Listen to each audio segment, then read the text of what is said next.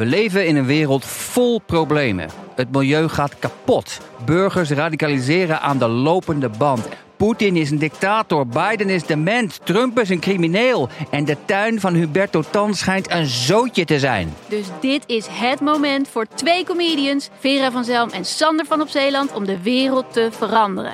Alles moet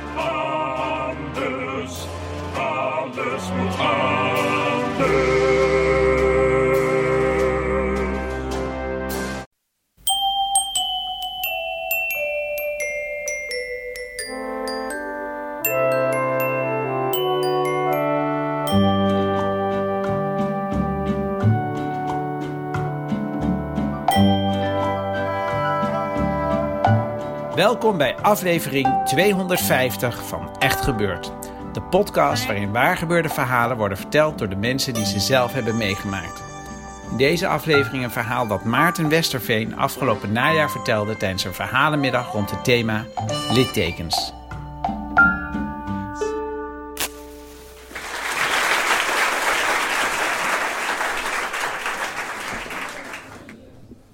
Ik was 16 jaar, midden puberteit. En als ik mijn andere vrienden moet geloven, is dat het moment dat je ook echt in je lijf raakt.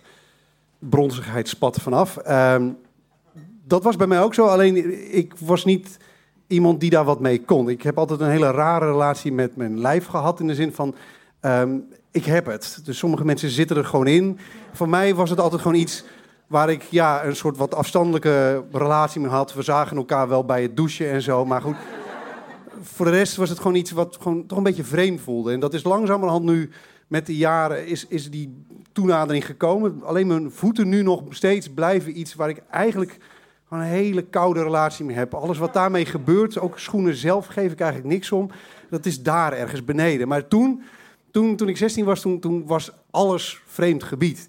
Uh, terwijl ik er toch mijn hormonen plannen met me hadden. En, en dat, dat, vertaalde zich in alle rare dingen. Bijvoorbeeld, mijn vriendjes hadden het over aftrekken.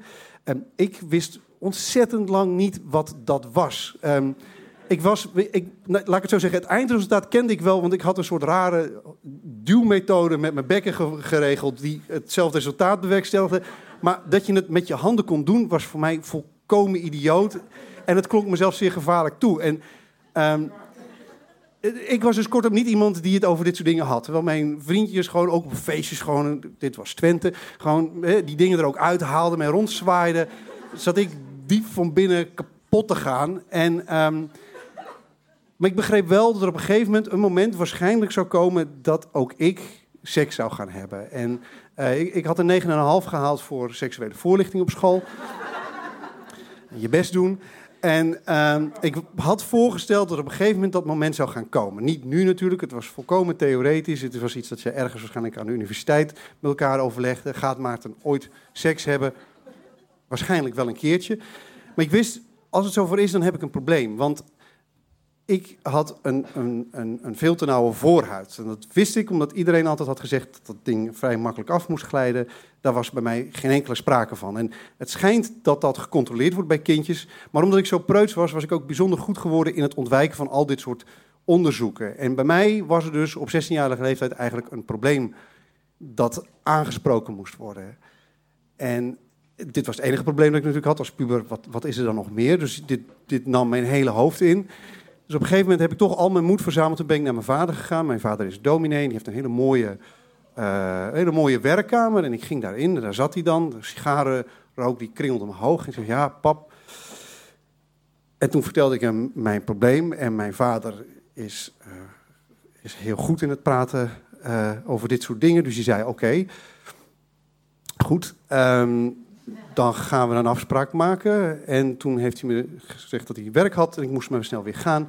En we waren allebei ongelooflijk opgelucht dat het gesprek zo vlot en constructief was verlopen. En de volgende dag aan het ontbijt, ik zat, ik zat daar met mijn zusjes en mijn moeder kwam en zei: Weet je, afspraak met je, de dokter is gemaakt. En toen werd me ook verteld wanneer ik er moest komen. Want dit soort dingen deed ik natuurlijk niet zelf. En ik kwam bij onze familiedokter, die ik ook al een goede zes jaar kende. Eh, lieve, middelbare man, een beetje rossig. En, uh, en ik moest het weer vertellen. Dus ik ging nog wat dieper naar binnen om maar niet te voelen waar ik op dat moment mee bezig was. Maar dat was nog niet diep genoeg, want toen zei hij: Oké, goed, dat moeten we toch wel even echt vaststellen. Dus ik moest op de tafel liggen en dan gaat, ging mijn broek en onderbroek gingen uit. En daar voor de eerste keer was een niet-familielid die mijn lid zag. Ehm, en vervolgens werd het ook nog eens een keertje aangepakt. Eh, en natuurlijk moest, werd er gekeken van ja, kan het, kan het naar beneden. En ik wist natuurlijk al, nee, dat kan niet. Maar goed, de wetenschap, heldere antwoorden. Dus, dus hij begon daar zo aan te werken. En ik zag hem ook een beetje rood worden ehm, van de inspanning. Het was niet eens de gêne, want het zal toch...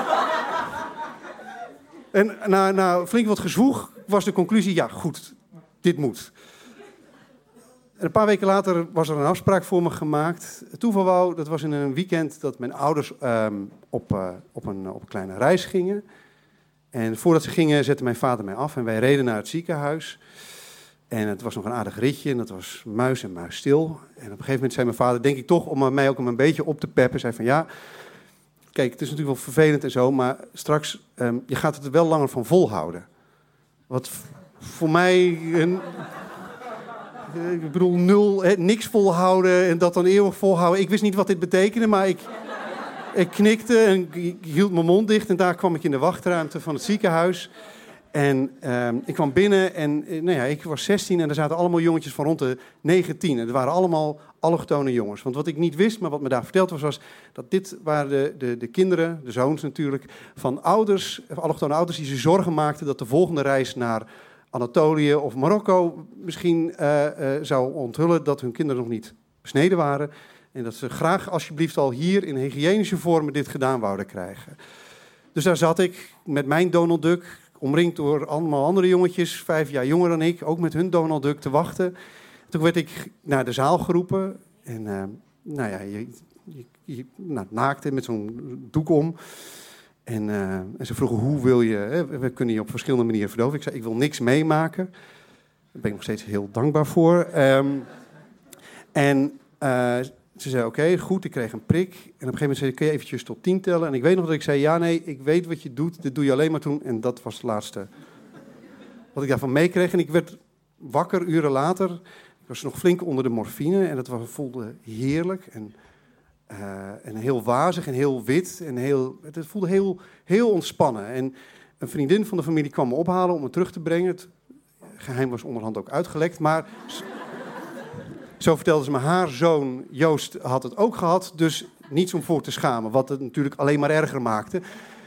En ik werd thuisgebracht en toen was ik alleen thuis. En dan, goed, dan ga je ook eens een keertje goed kijken naar wat er gebeurd is. En, en dan doe je je broek open en je kijkt. En waar je naar kijkt is een soort in, in, in verband gewikkelde lasagne. Ehm, iets, iets dat alleen maar paniek bij je teweeg brengt. En ja, daar zit je dan een paar dagen alleen maar als verschrikt naar te kijken. En, en, eh, ja, maar dat weekend was ik ook alleen. En ik geloof dat ik het al vermeld ik was ook 16 jaar. Ehm, en ik had gewoon hormonen. Dus er is nog steeds dingen die je wil, ook als dat op dat moment uitziet alsof je hand gewoon in, in, in een pasta bolognese steekt. Dus op een gegeven moment was blijkbaar mijn eigen geilheid zoveel groter dan mijn afschuw, dat ik het toch maar aangegaan ben, manueel. En ehm, terwijl ik het deed, zag ik opeens dat er iets los was geschoten. Een soort vliebertje aan de voorkant. En ik was alleen thuis. Dus, ja, wat doe je dan? En ik, ik kende natuurlijk alleen maar een soort paniekmodus op dit moment. Toen heb ik al mijn moed verzameld. Toen heb ik mijn arme dokter gebeld. Toen heb ik uitgelegd wat er aan de hand was. En ik weet nog steeds niet of hij dat gesprek op luidspreker heeft gezet voor al zijn assistenten. Maar hij heeft me er doorheen gesproken. Eh, het is nu jaren later. Eh, eh, ik kan me het bijna niet meer voorstellen dat het anders is. Op één ding na. Je hoort wel eens van die fantoompijnen die mensen hebben. Ehm, er is één fantoompijn die ik ook heb. En dat is als ik bijvoorbeeld bij de wc ben geweest en het geheel weer in mijn onderbroek trek. Normaal blijft de voorhuid dan nog even een halve tel zo hangen voordat hij ook mee die onderbroek ingaat. Dat kan natuurlijk nu niet meer, maar nog steeds is dat ding bij me bij elk toiletbezoek. Dank jullie wel.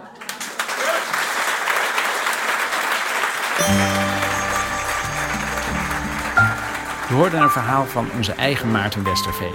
Maarten is een van de redacteuren van Echt Gebeurd. Wat betekent dat hij vertellers zoekt en begeleidt. Maar Maarten werkt ook mee aan een nieuwe podcast. Die luistert naar de naam De Waanzinnige Podcast. Waarin jonge kinderen vertellen over hun lievelingsboek. De redactie van Echt Gebeurd bestaat verder uit Paulien Cornelissen, Rosa van Toledo, Sanne Pols en mijzelf, Micha Bertheim. Eva Zwaving doet onze productie. De zaaltechniek was in handen van Jasper van Oorschot. En deze podcast wordt gemaakt door Gijsbert van der Wal. Volgende week is er weer een nieuw verhaal. Tot dan. En voor de mannelijke luisteraars, mocht je ooit naar beneden kijken en een soort lasagne in verband aantreffen, vergeet dan niet, je houdt het daar wel langer mee vol.